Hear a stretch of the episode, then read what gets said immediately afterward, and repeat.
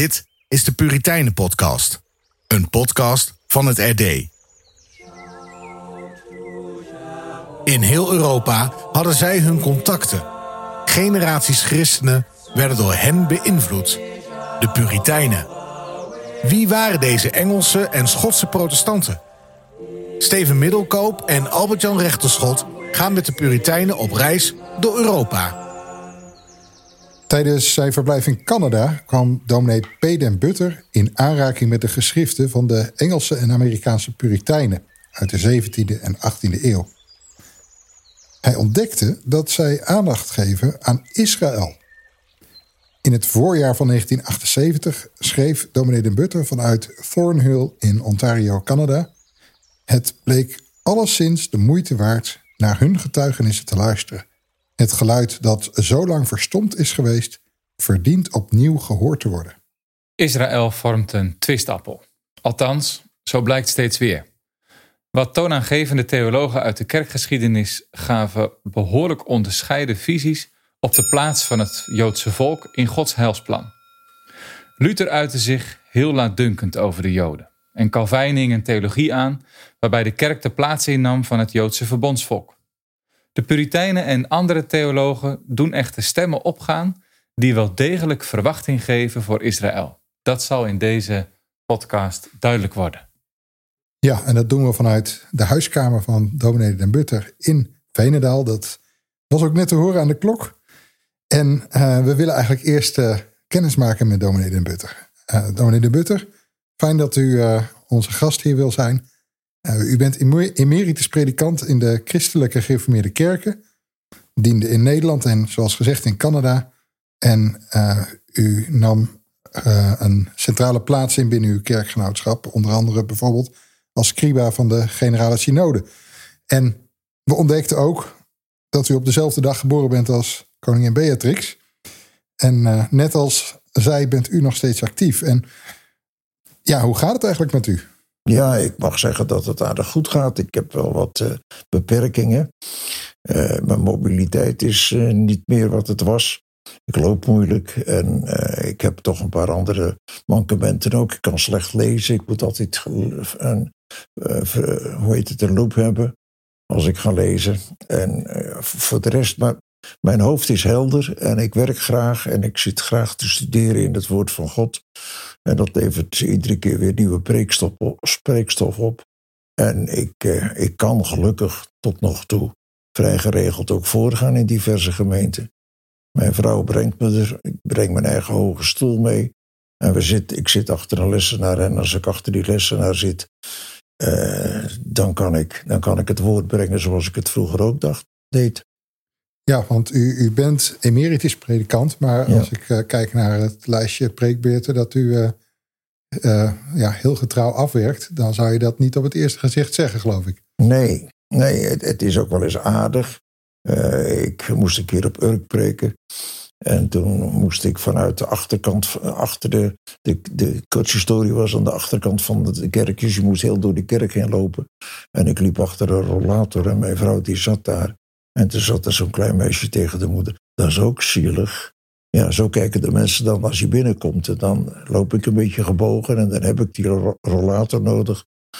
Maar als ik dan inderdaad, zoals ik zei, achter die eh, lessenaar zit, dan, dan ben ik weer, dankzij Gods goedheid, in staat om zijn woord te brengen. En dat geeft me tot nog toe heel veel vreugde.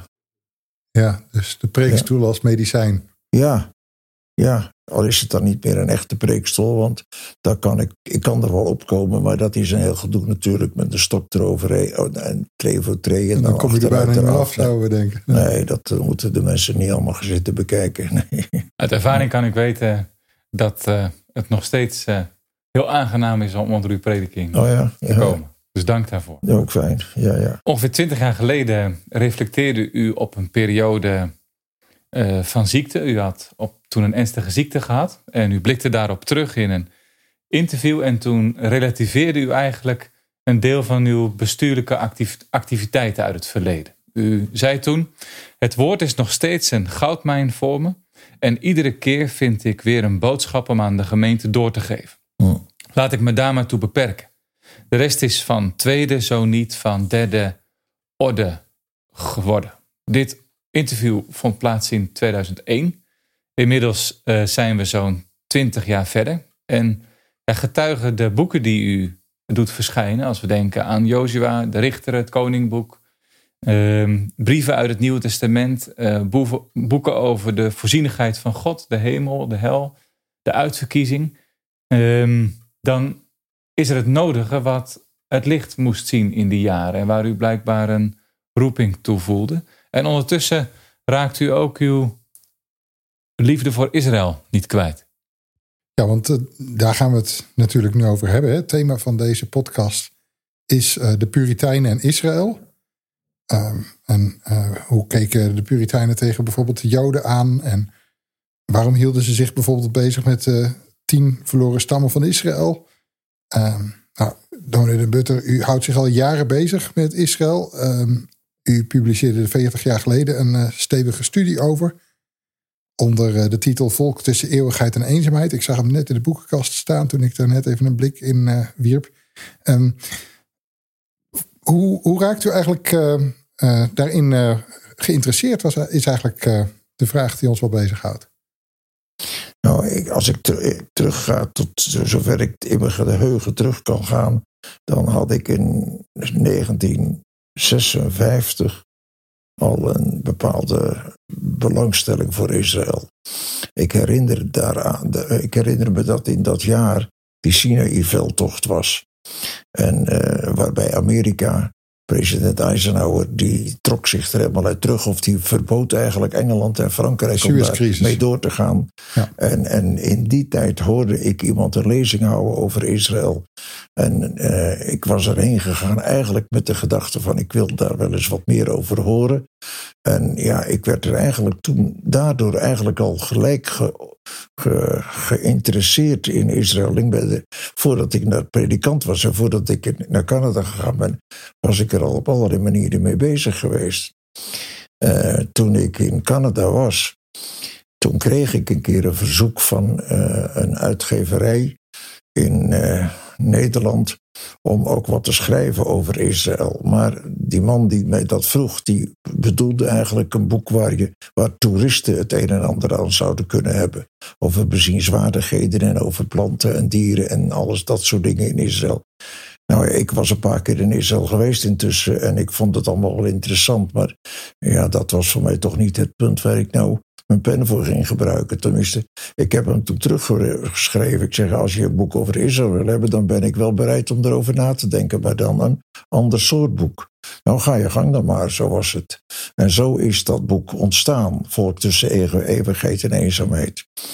En, en ik had toen die ontdekking al gedaan dat er in, uh, in, in het theologische werk van de vorige eeuwen, maar ook tot op de dag van vandaag nog wel, veel mensen zijn die zich uh, en in de gereformeerde sfeer begeven, en, maar die tegelijkertijd ook een open oog wilden hebben voor Israël.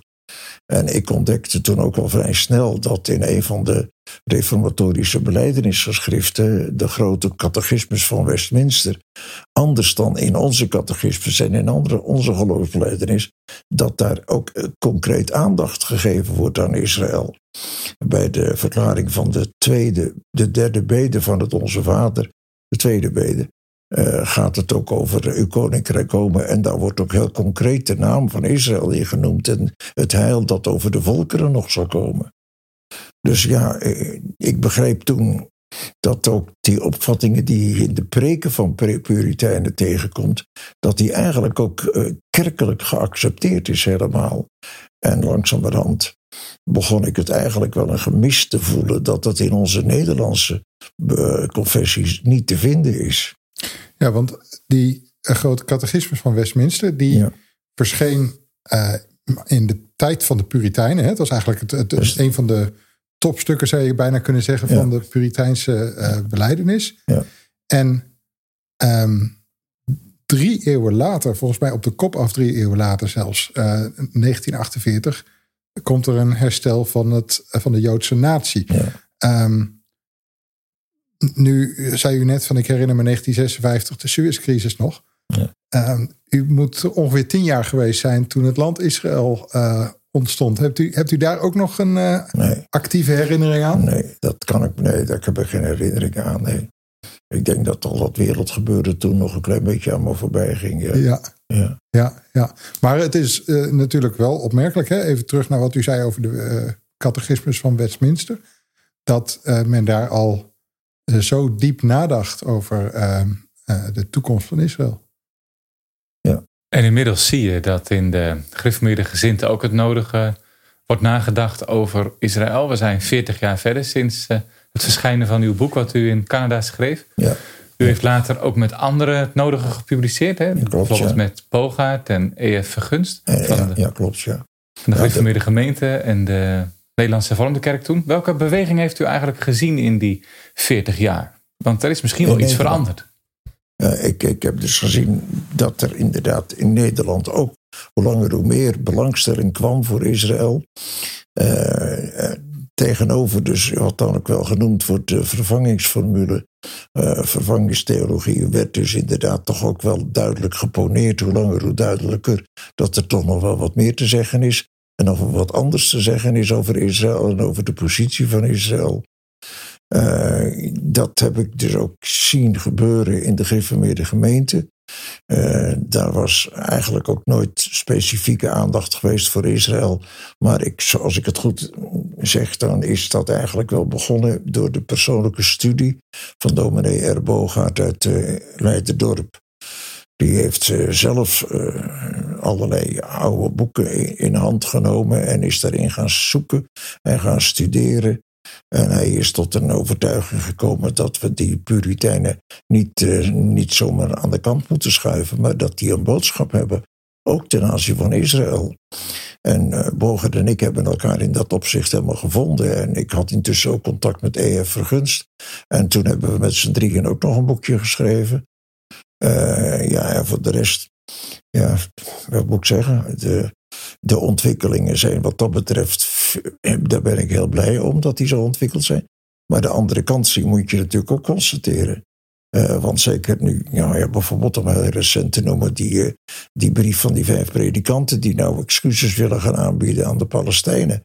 Ja, dat is nou net precies het andere geluid natuurlijk. Hè? En die demonstraties die je nu hebt tegen de aanvallen van Israël, terwijl er nauwelijks één woord gezegd wordt over de, wat die Palestijnen aan het doen zijn naar Israël toe. Dus ja, ik zie ook in de christelijke wereld wel een distantie komen tussen Israël en, en de kerken, zeg maar.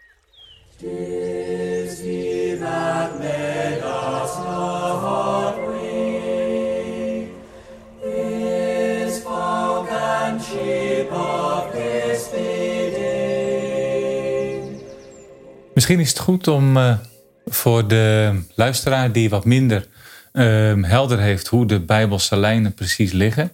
Misschien goed om iets te zeggen vanuit de Romeinenbrief en dat beeld van de olijfbomen en de takken en de wilde tak die wordt uh, ingeënt. Hoe u de positie bijbels gezien van Israël ten opzichte van de volken en in zekere zin ook daarmee tot de kerk zou willen schetsen. Paulus gebruikt inderdaad dat beeld van de vijgenboom. En uh, hij, uh, hij keert het, bij het beeld eigenlijk om. Hè? Uh, als, je het, als over enten gaat, dan wordt er altijd een tak, een end van een goede boom ingeënt op een kwade boom. Of een onvruchtbare boom. En dan is het de bedoeling dat die, dat die goede end uh, die boom gaat activeren. En, maar Paulus gebruikt het om, omgekeerd. Hij zegt tegen nature. En dan zegt hij tegen die christenen in Rome: uh, Jullie zijn tegen nature, je komt uit een wilde olijfboom. En tegen nature moet je, ben je ingeënt in de goede olijfboom. En dat is Israël. En je staat op dezelfde wortel als Israël. Intussen zijn er wel wat van die takken van Israël, van die boom, weggebroken. En nou zijn jullie ertussen ingevoegd. En zo ben je aan dezelfde wortels eigenlijk uh, afhankelijk geworden. En ja, daardoor is de positie van Israël en van de kerk onlosmakelijk aan elkaar verbonden. En ik denk dat Paulus dat ook bedoelt als hij in Efeze 3 schrijft over de heidenen die mede-erfgenamen van met Israël geworden zijn, mede-erfgenamen. Dus uh, dat zegt twee dingen eigenlijk. Je kunt niet zeggen dat de kerk de plaats van Israël heeft ingenomen. Die vervangingsopvatting die klopt helemaal niet.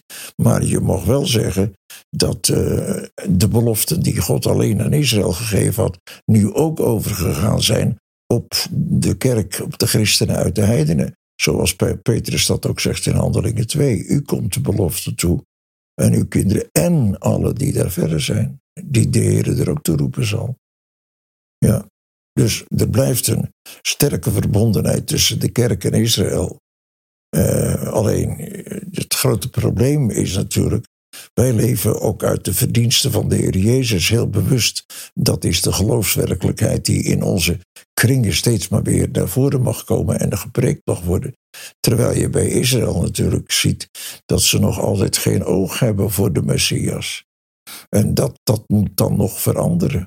U zegt daar iets uh, concreets over. U zegt de voortdurende afwijzing van Christus door de Jood is voor Christus een voortdurende krenking. Dit schreef u jaren geleden. Het is dus voor Christus ook nu nog, als ik u goed begrijp, een voortdurende krenking dat zijn eigen broeders hem niet erkennen. Misschien zou ik het woord krenking verdriet noemen nu. Maar dat is het inderdaad wel. Kijk, Paulus zegt van zichzelf ook zoiets. Hij heeft ook een grote smart als hij aan Israël denkt, aan zijn broeders naar het vlees. En dan zegt hij zelfs: Ik zou wel verbannen willen zijn als ik dat maar goed kon maken met, met, met Israël. Nou, als Paulus daar dan zoveel verdriet aan heeft, ongetwijfeld heeft de Heer Jezus er nog meer verdriet aan. Uh, dat heeft hij tijdens zijn leven op aarde ook gemerkt. Ze kwezen hem af en dat, dat heeft hem gegrepen. Dat heeft hem... Kijk naar de tranen van de Heer Jezus als hij dan ziet dat er met, wat er met Jeruzalem gaat gebeuren. En, en uh, ja, ik, ik geloof dat ik dat zo wel zou mogen zeggen. Christus heeft er nog steeds verdriet van dat zijn broeders naar het vlees hem nog altijd verwerpen. Je kan wel zeggen geen oog voor hem hebben, dan zeg ik het een beetje eufemistisch. Maar je kunt net zo goed zeggen, ze willen er ook geen oog voor hebben. En dat, dat betekent dat ze bekeerd moeten worden. En dat zegt Paulus ook in 2 Korinthe 3. Als ze tot, eens, tot God bekeerd zal zijn, dan is dat deksel ineens weg. Ja. ja.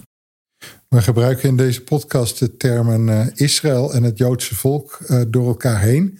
En ik uh, realiseer me, omdat ik net de stichting van de Joodse Staat in 1948 aanhaalde, dat dat wat verwarrend zou kunnen zijn. Maar ik denk dat het goed is om even te zeggen dat we eigenlijk beide bedoelen. Hè? U refereert er al aan. Ja, ja. we doelen niet zozeer alleen op het nationale Israël. Maar we hebben het eigenlijk over het totale Jodendom. Ja. En um, ja, volgens u, dominee de Butter, verwacht de gemiddelde orthodoxe Jood een persoonlijke messias. Terwijl het moderne Jodendom wel een messiaanse tijd verwacht, maar geen persoonlijke messias. Ja. En um, men staat daarmee dus op grote afstand van Jezus Christus. Want wat u daarvan schreef was: uh, de orthodoxe Jood heeft nog steeds moeite om in Jezus als messias te geloven, omdat het messiasbeeld wat hij heeft niet klopt met wat Jezus is. En de meer liberale Jood, die niet eens meer weet of hij wel in een persoonlijke Messias moet geloven, of meer in het Messiaanse idee, weet natuurlijk ook dat Jezus, weet natuurlijk ook met Jezus als Messias geen raad. Dus volgens u komt juist in hun houding ten opzichte van Jezus het bankroet van het Jodendom openbaar.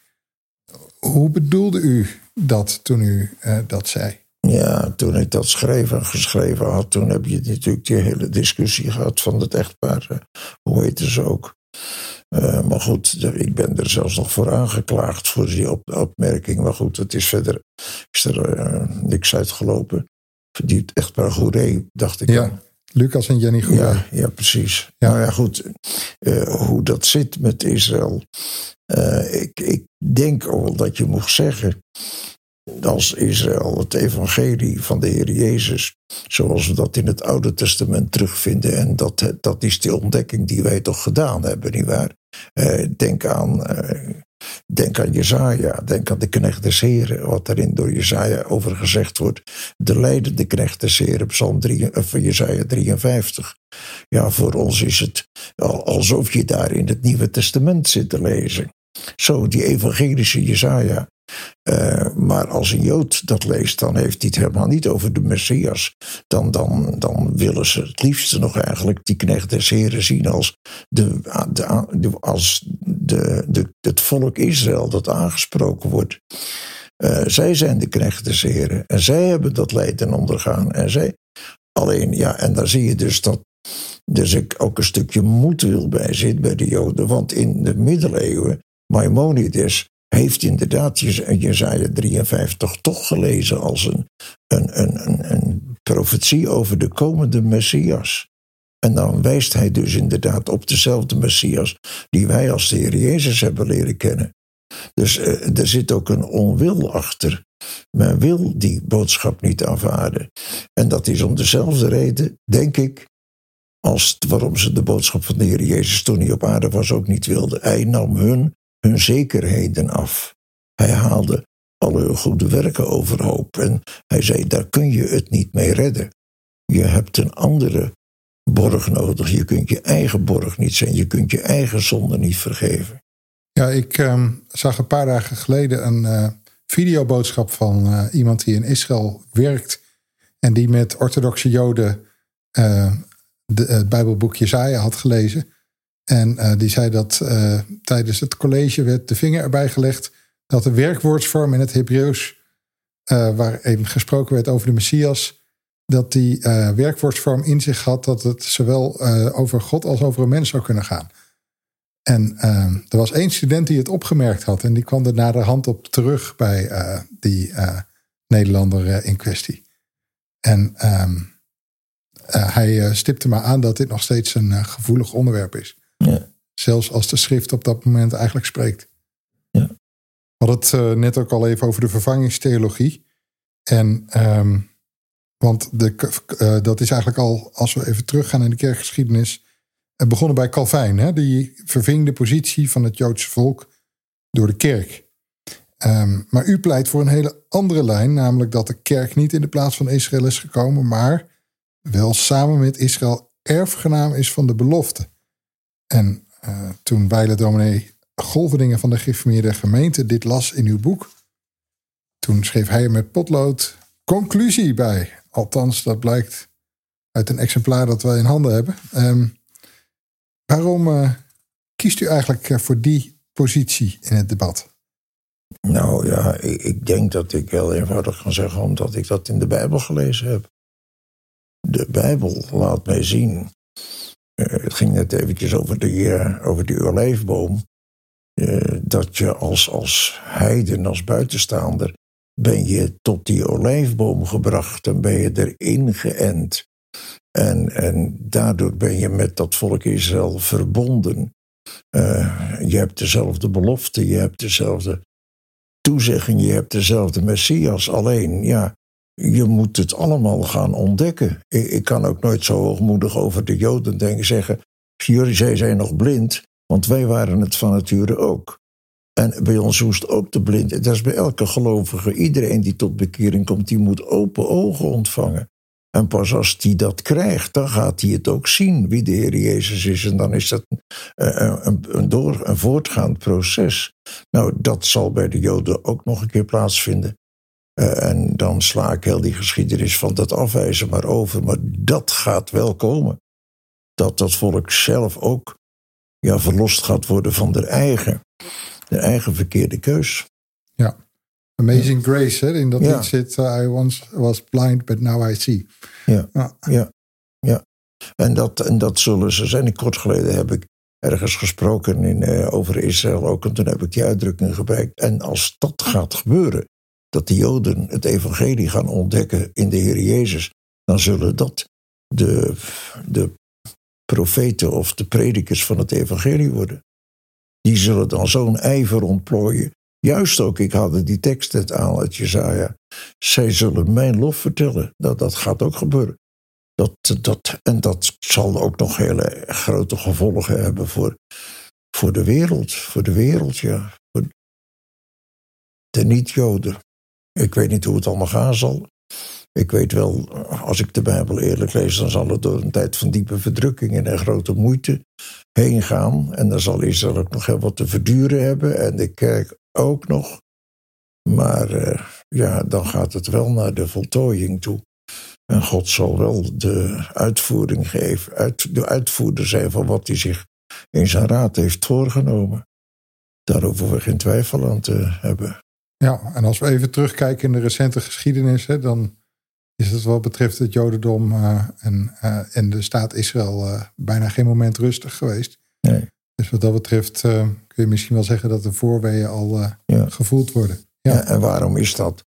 Waarom is dat? Ik heb met uh, van Zag gepreekt over die vrouw die dat kind bij zich draagt, openbaring 12. En, en dat zij dus dat kind gaat baren en daar staat de draak tegenover haar. Nou, dan heeft de, Heer dat het kind wordt geboren. Het wordt een hele korte bewoordingen wordt er gezegd dat dat kind toen ook in de hemel is opgenomen. Hij werd weggerukt op God en zijn troon. Maar de problemen die Israël gehad heeft in de oude oud-testamentische tijd, dat ze dus altijd weer onder de verdrukking zaten en dat de duivel van alles geprobeerd heeft om de komst van Jezus te voorkomen. En, en om die vrouw maar uh, ja, om te brengen enzovoort. Ja, dat is, dat is niet gelukt. De duivel is daarna uit de hemel geworpen en hij heeft grote toorn, want hij heeft maar weinig tijd. Maar wat, er Israël, wat Israël toen te verduren gehad heeft, dat krijgt Israël nu weer te verduren. Uh, omdat, ja, omdat de duivel kon de komst van Jezus naar het volk toe niet verhinderen, maar hij zal wel proberen de komst van het volk naar Jezus te verhinderen. En daarom moet Israël uitgeroeid worden. En dat zit er altijd achter. En ook wat er nou gebeurt in, in, in de Gazastrook en, en in, in, in Israël. Israël moet weg. Israël moet weg. En dat, dat is niet omdat die Arabieren dat willen, maar ten diepste omdat de duivel dat wil. En dat maakt de tijd waarin wij leven. En uh, niet alleen een boeiende tijd, maar ook een, ja, moet ik zeggen, een, apocalyptische tijd, ik het zo maar zeggen. Er is meer aan de hand dan die raketten die afgevuurd worden en die, uh, die slachtoffers die vallen. Er is veel meer aan de hand. God is bezig zijn plan te realiseren. En dat gaat door de geboorteweeën van Israël heen.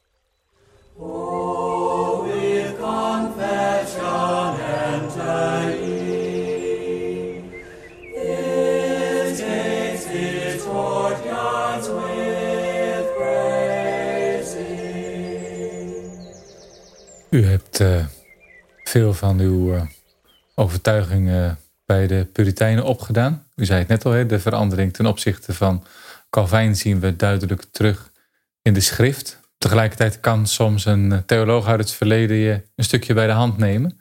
En u heeft daar in Canada de Puritijnen ontmoet als het gaat om hun toekomstvisie. maar u schrijft ook iets over de Geneva-Bijbel. Die heeft een aantekening bij Romeinen 11, vers 26, waar u citeert in uw boek.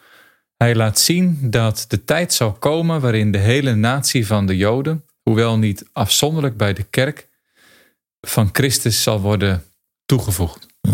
Ja, ook eh, de Puritein William Perkins leefde met deze verwachting. Hij zei: Alle volken zullen gezegend worden in Abraham. Hieruit leid ik af dat de natie van de Joden geroepen zal worden en bekeerd zal worden om deelgenoot te worden van deze zegen. Wanneer en hoe, dat weet God. Wij weten echter dat het zal gebeuren voor het einde van de wereld. Nou, naast deze citaten noemt u ook uh, Richard Sips, die aangeeft dat de Joden nog niet zijn gekomen tot de banier van Christus. Maar hij zegt, Christus zal hen echter in zijn schaapskooi opnemen. Nou, hoe verklaart u nu de opkomst van deze... Wacht even op de klok. Van deze Israël-verwachting bij de Puritijnen. Dus ehm, dat wat we waarnemen, dat is helder. Maar hoe kon dat zo opdoen? Ehm, en, en wat is de betekenis daarvan, wat u betreft? Ik denk dat dat heel nauw samenhangt met de ontdekkingen van de nadere reformatie of het puritanisme uh, na de reformatie. Uh, de reformatie was een geweldige beweging en terugkeer tot het woord van God. En, en alle dingen waardoor de kerk als het ware in, in ballingschap was geraakt. Uh, dat is toen allemaal toch weer op een goed fundament geplaatst. En daar heeft de Heer de reformatoren voor gebruikt. Luther, Calvijn en noem ze verder maar. Hij heeft, hij heeft toen. Die mensen hebben de belangrijke thema's van toen aan de orde gesteld. Hè. Zalig worden is een zaak van genade alleen. Eh, het woord van God, dat is het woord zoals we dat geïnspireerd in de 66 Bijbelboeken hebben. En de rechtvaardiging is een zaak van het geloof. Die reformatorische thema's die zijn heel helder belicht. Ook sacramentsleer is, is heel duidelijk in een ander licht komen te staan. En, en dat opzicht, dan zeg ik, dat is nou de waarde van de reformatie. Maar eh, de reformatie is ook niet het eind van alles. Wij moeten ook niet doen en denken dat het, eh, de Heilige Geest verder niet meer leidt. Als hij Calvijn gehad heeft, dan heeft hij, dan heeft hij er nog wel meer die hij gaat gebruiken.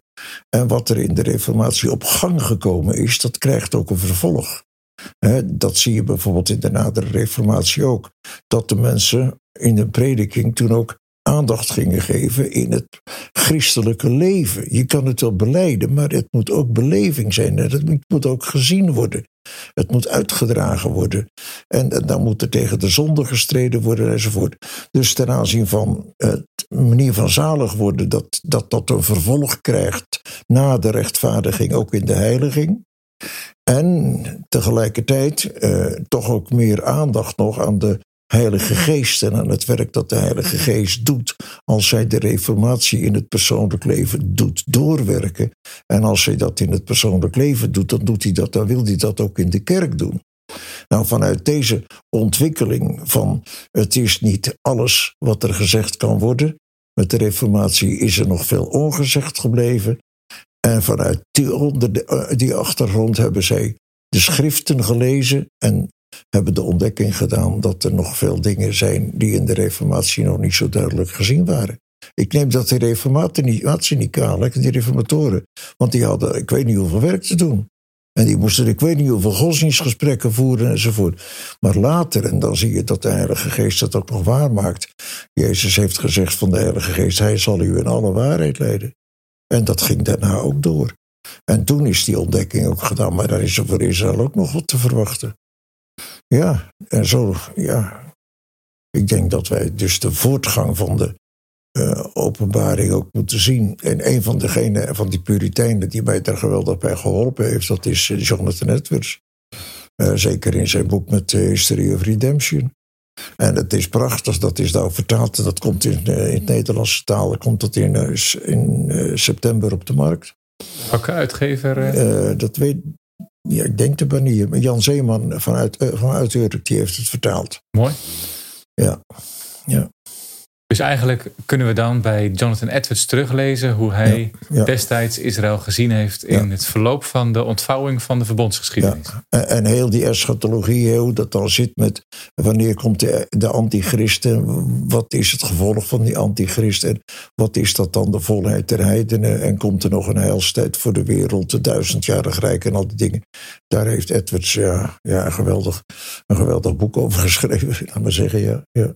En als um, jonge lezers of oudere lezers dat boek oppakken, gaan ze dan nog gecorrigeerd worden in andere opvattingen? Of zegt u van nou, Israël is toch wel het springende punt uh, waarom dat boek mij raakte toen? Ja, nee, kijk, hij begint, hij begint bij het begin van de geschiedenis van het heil. Dus het hele Oude Testament loopt hij door enzovoort. En daar zijn natuurlijk ook best nog een hoop dingen te leren. Maar dat zijn geen, niet, niet allemaal nieuwe dingen, zeg maar. Die, die, die wisten we al via andere bronnen. Maar dat van, uh, ja, toen ik daar voor mezelf eigenlijk liep met de vraag van hoe moet dat nou en hoe zit dat nou met de duizendjarig rijk enzovoort. Ja, ik las van dit en ik las van dat. Uh, ik, maar goed, toen kreeg ik Edwards in handen en toen dacht ik, oh, nou, nou zoek ik verder niet, nou hou ik gewoon bij hem. ja, want Edwards uh, schreef dat op na eigenlijk een eeuw van al deliberaties en gedachten over onder andere dat duizendjarig vrederijk ja. En uh, uh, ook de Israëlvisie, hè, de, zoals u net zei, al uh, ja. in de grote catechismus van Westminster. Dat was toen ook al, nou, ik schat ook al een eeuw geleden bijna. Um, hm. Hoe zien we eigenlijk in die tijd van de Puritijnen die aandacht voor Israël zich ontwikkelen? Want u noemde net al even hè, de grote catechismus van Westminster, die markeert het echt. Ja. Is er een soort opbouw daar naartoe? Hoe ontwikkelt zich dat? Ja, die namen die al genoemd zijn, de Geneva-Bijbel met die aantekeningen erin. En, en het boek van Perkins, dat, dat was natuurlijk dat was het begin zeg van het puritanisme. En in die lijn is de ontwikkeling doorgegaan. Niet bij alle puriteinen. Maar sommigen hebben zich daar heel speciaal mee bezig gehouden. En dat zijn de mensen waar we dus eigenlijk bij in de leer moeten gaan. Hoe, kwam dat dat die mannen daar zich mee bezig gingen houden? Hebt u daar een idee van? Ja, eh, ook eigenlijk vanuit. Eh, ik, ik denk dat je een combinatie moet zien tussen oog krijgen, meer en meer oog krijgen voor het werk van de Heilige Geest. En ook het werk van de Heilige Geest dat hij in het persoonlijk leven doet, maar ook het werk van de Heilige Geest dat hij in de kerk doet en hoe hij alles stuwt naar het einde toe. En omdat daar de ogen hoe langer meer voor open gingen, waar is de Heer mee bezig en waar werkt hij op aan? En wat is dat, eh, de wederherstelling van alle dingen? En dan komen de eschatologische vragen aan de orde. En die zijn ja, toen toch onbekommerd en onbekrompen eigenlijk genoemd en onder woorden gebracht, eh, waar, waarvan je kan zeggen, nou dat is in de Reformatie zo nog niet geweest.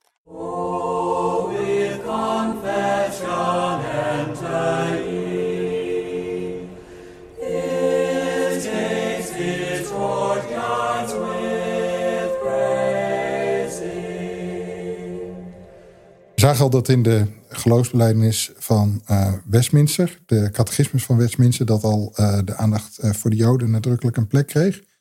het is maar een paar jaar later, in 1656, dat er een periode van bijna 400 jaar eindigt dat Engeland verboden gebied is voor Joden.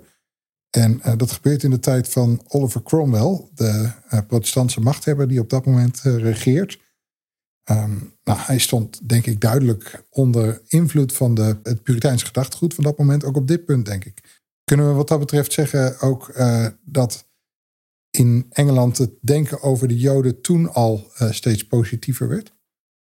Ik weet het niet of je dat kan zeggen. Ik, uh, waar mijn kennis voor de positie van Israël en de toekomst van Israël vandaan komt, dat is meestal uit de theologische wereld. En ik weet niet hoe er in de politieke situatie toen eigenlijk ontwikkelingen waren. Het zou best kunnen dat dat met elkaar samenhangt. En dat in de praktijk dan ook door eh, de staatslieden, zeg maar, uh, concreet gemaakt is wat je in de kerk ging horen over Israël. En dat je dus dan toch een hele andere houding tegenover de Joden moet innemen. Ik weet niet of dat zo is, maar ik heb daar geen, uh, geen sporen van teruggevonden dat de predikanten de staatsluizen op de staatslieden opriepen, dan moet je, dat weet ik dus niet. Ik weet niet of dat verband er is. Aanwijsbaar bedoel ik. een ander facet is misschien nog wel dat uh, we zien bij de Puritijnen natuurlijk de gang naar Noord-Amerika in de eerste mhm. helft van de 17e eeuw. Daar hebben we het in de Puritijnen podcast uitgebreid over gehad.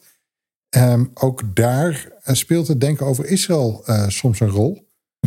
Zo was er bijvoorbeeld een stroming onder de Puritijnen die uh, veronderstelde dat de Indianen in Noord-Amerika de verloren tien stammen van Israël zouden kunnen zijn. Hmm.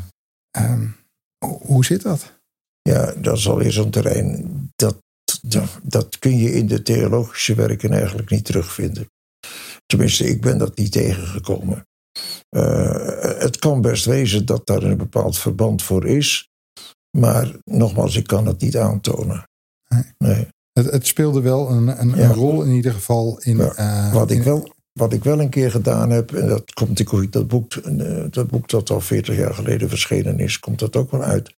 Dat het besluit, zeg maar, om Israël een aparte staat te laten worden in 1948, het besluit van 47 en het is gerealiseerd in 48, dat dat ook gebeurd is onder invloed van wat er vroeger aan theologische opvattingen is bekend geworden. In de families van zo James Balfour, die minister van Buitenlandse Zaken toen in de tijd van, van de, de Eerste Wereldoorlog.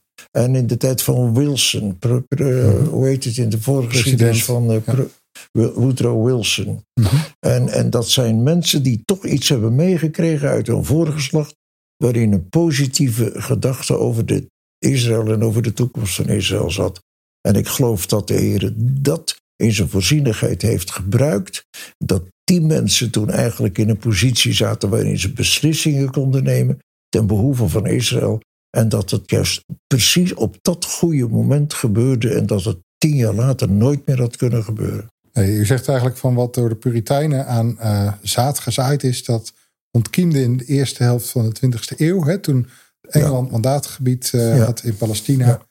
Uh, Amerikaanse president Wilson een belangrijke rol speelde bij het nadenken over de indeling van het Midden-Oosten ook. En um, ja, toen is eigenlijk een stukje oogst binnengehaald wat door de Puritijnen medegezaaid heeft mogen worden. Ja. En, en dat eigenlijk, want dan zie je dus de andere kant ook weer. Tegen die tijd dat dat zou gaan gebeuren, achteraf bekeken, wist God dat natuurlijk dat het toen en toen zou gebeuren. Maar vooraf is er dus toch via ook de politiek ook heel veel gedaan om juist Israël niet meer op een eigen plek te laten zitten. Engeland heeft dat, die mandaatpositie lelijk uh, verkeerd geïnterpreteerd. En dat was allemaal vanwege de invloed van de Arabieren want die hadden de olie en Israël had geen olie. En Engeland moest olie hebben en weet ik wat meer. En toen is er vanuit de regering is er ja, pogingen gedaan om eigenlijk onder die consequenties van het mandaat uit te komen. En ik, heb toen ook eens een keer gelezen. En dat is, vind ik, in het licht van Gods voorzienigheid toch ook wel heel bijzonder. Toen was er een in de, in, in de hoe heet het, de House of Commons in Engeland, in Londen. En die las Psalm 15 voor. En die heeft gezegd: Dit is de gentleman's psalm.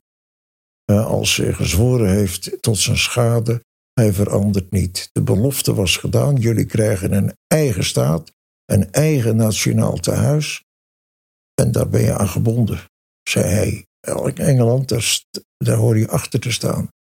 En Engeland stond er niet achter. Want Engeland, toen het op stemmen aankwam, stemde Engeland niet mee. Ja. Maar degene die wel meestemde, dat was het allerlaatste moment waarop dat kon lukken. En zo zie je dus ook in die dingen. En daar hebben die Puritijnen ook oog gehad. Want dat was één punt wat je dus geregeld tegenkomt. Oog voor wat, de God, wat God in de voorzienige leiding in het leven van zijn kerk en in het leven van mensen doet. Ja, want eh, hebt u het idee dat de Puritijnen wat dat betreft ook um, voor ogen hadden dat er ooit een nationaal herstel zou komen van Israël? Oh ja, oh ja, ze hebben ervoor gebeden, ze hebben, ze hebben het gepreekt. En eh, als je, als je hoe heet het, Samuel Rutherford leest, die, die is zo extatisch op een gegeven moment zegt: Ik zou er wel een aantal jaren voor uit de hemel willen blijven als ik dit maar mee mocht maken. Ja, ja en eigen staat, ze komen allemaal terug. Maar hebben ze dat dan ook verbonden bijvoorbeeld aan het herstel van het koningschap in Israël? Of, hè, Want we hebben net even uh, aangestipt dat Engeland uh, in de tijd van de Puritijnen onder andere verandert van een monarchie in een republiek en vervolgens ook weer terug. Maar dacht men in termen van het herstel van het koningschap? Of zou dus ook ja, zoiets als een republiek van het huidige, als het huidige Israël voor ogen hebben gehad? Ja, er is natuurlijk wel uh, een verband gelegd tussen wat de Heer zou gaan doen met het volk van Israël en met het herstellen van het huis van David. Uh, die beloften liggen in het woord van de Heer ook door elkaar heen. Soms worden ze heel nauw aan elkaar verbonden. En uh, ik vind dat het moeilijkste terrein. Want hier kom je dus voor de vraag te staan: komt er dan nog inderdaad een, nieuwe tempel en komt er dan ook nog een herstel van het huis van David. En hoe moet je dat interpreteren? Is de Heer Jezus straks honderdduizend jaar op aarde? En, en al die dingen meer. Dan lopen de meningen tussen de verschillende Puritijnen ook over uiteen. En dan krijgen de ene kant de postmillennialisten en de andere kant de pre. En, en dat zijn dus de, wat wij dan Giliasten noemen. En die denken in, in, in, in termen die veel reëler zijn, zeg maar. Want dan komt er nog een koninkrijk van Christus op aarde. En, en, en ja, dat, dat zie ik allemaal niet. Ik weet wel hoe die gedachtegang lopen, maar ik heb voor mezelf, als ik dan kiezen moet uit die drie mogelijkheden, ik heb voor postmillennianisme gekozen. Ja. Misschien uh, is het goed om daar met elkaar uh, nog even bij stil te staan. Want uh, u noemt hier een aantal termen. Ja. Postmillennianisme, Giliasme, et cetera. Um, u bent in het verleden met deze thematiek bezig geweest. Hebt er u zich Ja. in verdiept, zozeer dat u eh, daar ook onderwijs over kon geven. Als wij ehm, eh, nu thuis eh, ons afvragen, ja, wat ben ik nou eigenlijk? Ben ik nou eigenlijk een Giliast? Of ben ik nou eigenlijk dezelfde positie als Den Butter? Zou u voor ons kort de posities kunnen schetsen en aangeven waar u dan staat? Nou, dan moet je denk ik beginnen waar het ook begonnen is, het Amilianisme. Dus Er is, er is geen bijzondere periode te verwachten van het duizendjarig rijk. Eh, wat de Bijbel daarover zegt, dat moet je niet letterlijk nemen. Dat is wat de eerste groep zegt. Ja, dat is de A-Beledianisme. Er komt geen duizendjarig rijk. Eh, de andere kant is, ja, maar waarom staat dat dan niet in de Bijbel? Dat moet toch een betekenis hebben? En dan zijn er mensen die zeggen, ja natuurlijk, er komt wel een duizendjarig rijk. En de vraag is dan, wanneer komt dat? Eh, dat zeggen alle, alle Puritijnen, voor zover ze erover geschreven hebben. Er komt een moment waarop de Heer eh, eh, eh, op aarde komt. Of wanneer, nee, laat ik het zo zeggen. Een, moment waarop de Heer zal regeren in deze wereld. En een tijd waarin de verleidingen van de kant van Satan tot een minimum zijn gereduceerd. Want de duivel wordt gebonden. En hij kan de volkeren niet meer verleiden volgens openbaring 20. eh, want dat is de tijd van de Christusregering. Aan het eind wordt de duivel dan wel even losgemaakt. En dan kan er nog een geweldige machtsontplooiing komen. Maar dan is het uiteindelijk helemaal met hem gedaan. Heel kort erop. Eh, nou, wie dan gelooft dat dat gebeurt, die moet de vraag ook beantwoorden: wanneer gebeurt het dan? Eh, laat ik even bij Etters blijven. Dat is dan de lijn die ik dan zelf gezien heb. Als de meest, meest dicht bij de schrift. Eh, er komt een tijd van grote verdrukking en grote moeite, grote ellende. Een periode van de antichrist. Maar daar maakt de Heer een eind aan. Hij zal hem wegdoen, de mens der zonde, 2 Thessalonicenzen 2. En hij zal eh, de macht van de antichrist verbreken. En daar komt een, ja, een rijk van vrede. Het evangelie wordt over de hele wereld verkondigd. De Joden nemen daar een prominente plaats in. En eh, ja, zo komt er inderdaad een heilstijd waarin heel veel mensen de Heer zullen leren zoeken en vinden. Een glorietijd voor de kerk op aarde. En daarna is dan het einde. Hoe dat dan verder gaat, ja, dat kun je eigenlijk. Het is alleen maar, een paar houtskoollijnen. En voor de rest de invulling en de details eh, van jaar tot jaar of van eeuw tot eeuw, dat moet je dan maar eh, aan de heren overlaten. En dan is er nog die andere lijn en die zegt nee, eh, zo zal het niet gaan. Als die periode aanbreekt van het duizendjarig rijk, dan is Christus uit de hemel neergekomen op aarde. En dan zal hij met de mensen die dan zijn volk zijn en die dan uit de doden zijn opgewekt, die zullen samen met Christus die duizend jaren regeren. Dus dan komt eh, dat duizendjarig rijk na de wederkomst van de Heer Jezus. Vandaar dat, het, eh, ja, dat die term dus gebruikt wordt.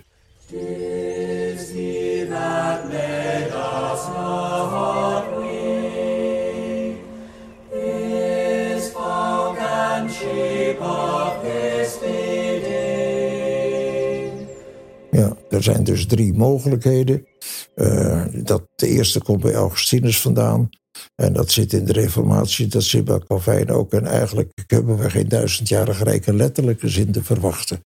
Eh, we zijn, of je moet zeggen, we zijn nu in de periode van het duizendjarig rijk. Dan duurt het vanaf, vanaf de dag van de hemelvaart tot aan de dag van de wederkomst. Dat is de positie van het amillennialisme. Ja, ja. Eh, de andere opvatting is, er komt wel een duizendjarig rijk. Alleen de vraag wanneer dat gebeurt, die wordt verschillend beantwoord. Er zijn mensen die zeggen, het gebeurt voordat de Heer Jezus wederkomt. Het gebeurt, het begint in de tijd van de antichrist, als de, de Heer een eind maakt aan het rijk van de antichrist. En als er dan een heilstijd voor de wereld gaat aanbreken, met bekeringen van de Joden en van Israël. En Israël ook als de evangelisten van de tijd. En de herleving van eh, geestelijk leven overal in deze wereld. En daarna zal dan inderdaad de wederkomst plaatsvinden. Maar dan zijn er anderen die zeggen: nee, die wederkomst die vindt eerst plaats. Christus komt uit de hemel. Hij doet. is- de, de, de, de zijnen die in deze wereld waren, die worden opgewekt uit de doden. De anderen blijven nog in het graf liggen. En in die periode van duizend jaar dat Christus op aarde is, zal hij met de zijnen hier op aarde regeren. En dan komt de, uh, de tweede wederkomst van de Heer Jezus daarna.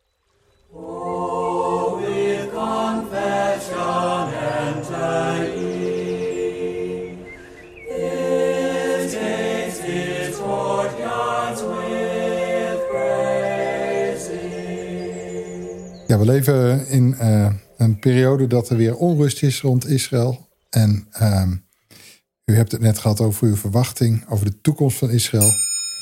Um, hoe beïnvloedt Israël en de toekomstverwachting voor Israël uw gebedsleven en uw prediking? Ja, ik ga even terug een stukje in de geschiedenis. Ik was in Israël in 1973. En ik was er toen de uh, Yom Kippur-oorlog uitbrak. Met een groep toeristen. En uh, we zaten Els in spanning natuurlijk van hoe gaat dat enzovoort. Moeten we hier blijven? Moeten we, moeten we naar huis? Moeten we de reis af, afbreken en zo? Het was een periode waarin je eigenlijk geen toeristenreis kon maken, want je had soms geen bus en soms geen chauffeur. En, fijn. Maar het was toch een hele belevenis. Maar in die tijd hoorden we nogal eens een keer vanuit uh, de contacten die je dan zo met Joden hebt. Uh, jullie moeten wel voor ons bidden. Jullie moeten wel voor ons bidden. En het had mijzelf ook erg aangegrepen, de situatie. En later begreep ik nog beter dat Israël toen op het punt had gestaan om weggevaagd te worden. Die, die Westbetaille van Israël die was bijna doorgeknipt. En, en ja, toen had ik voor mezelf de gedachte, zou het nou gebeuren? Zou het nu gaan gebeuren dat God naar zijn volk om gaat zien? En dat hij, eh, ik heb toen ook gepreekt in, in, in, in de kelder van een hotel in, in Jeruzalem voor die groep. Over die tekst uit Jezaja 54. O onweder, de onweder voortgedrevene ongetroost. Ik zal uw stenen gans sierlijk leggen. En het was net alsof ik aan het profiteren was. Het was natuurlijk niet zo, maar ik, het, zo ervoer ik het. nu kan het gebeuren. Nou is het er bijna. En ja, toen ik het jaar daarop weer in Israël kwam, toen was het aantal uh, disco's aan de oever van het meer van Galilee nog groter geworden dan voor die tijd. Dus Israël is er nog niet. En die vraag van jullie, dat maakte toen toch wel indruk, willen jullie voor ons bidden? Dat Joden dat dan christenen vragen. En dat Joden dus kennelijk geloven dat dat gebed van een christen ook nog wat kan betekenen. Ja, dat pakte me erg aan. En, maar fijn, langzamerhand ga je dus de dingen ook wat anders zien. Wat minder, uh, wat minder enthousiast. Gewoon wat reëler. En dan zie je dat de, werkelijkheid in Israël laat zien dat er nog, nog helemaal niks veranderd is. Ja, op, op individuen na. Er zijn een aantal, een groeiend aantal Messias Joden in verschillende gemeentes. Dat wel. Maar bij het grote geheel, de massa is liberaal Jood. En uh, de mensen die je nou daar uh, op, het, nieuws kon zien, daar met die Meromberg, dat zijn dan de, de orthodoxe Joden. Je mag niet meer zeggen de ultra-orthodoxe Joden. Dat vindt uh, Rabijn, hoe heet hij, Willems geloof ik, dat die heet niet goed. Maar goed, afgedacht tot daarvan, hij, dat zijn mensen die moeten er echt helemaal niks van hebben. Ja, dus ja wat er nog gebeuren moet, het moet eigenlijk allemaal nog gebeuren. En hoe dat mijn, mijn gedachten beïnvloedt. Ja, ik zei al net, eh, je kunt niet altijd met dezelfde dingen theologisch bezig zijn. Er is veel meer dan Israël. Maar het heeft mij wel heel veel uh, bezig gehouden. En ik heb daar niet alleen maar over geschreven, maar geregeld als het in de predikingen aan de orde kwam. En als je tekst inderdaad wat over Israël zei, dan heb ik toch wel verschillende keren ook iets laten zien aan de gemeente. Van gemeente, maar dit heeft ook voor Israël nog betekenissen laten we dat wel vasthouden. En uh, ja, omdat het geen mensenwerk is, maar omdat God dit allemaal in zijn eigen hand gehouden heeft, uh, moeten we er veel voor in gebed. Ja. Ja, ja dominee de Butter, uh, we zijn aan het einde gekomen van deze Puriteinen podcast. Ik wil u hartelijk bedanken. Um, dit was al weer de achtste aflevering van het tweede seizoen van de Puriteinen podcast. En de komende tijd reizen we weer mee met Puritijnen door Europa. In de volgende uitzending spreken we met Laurens van der Tang over zijn voorliefde voor de Puritijnen. Heb je nog vragen die we moeten behandelen of tips en ideeën voor thema's? Laat het dan weten via een mail aan puritijnen.rd.nl of kijk op rd.nl schuine Puritijnen. En luister je deze podcast via een podcast-app, laat dan een recensie achter in je podcast. Ehm, dat helpt namelijk andere mensen om deze podcast beter te vinden. Bedankt voor het luisteren en graag tot de volgende keer.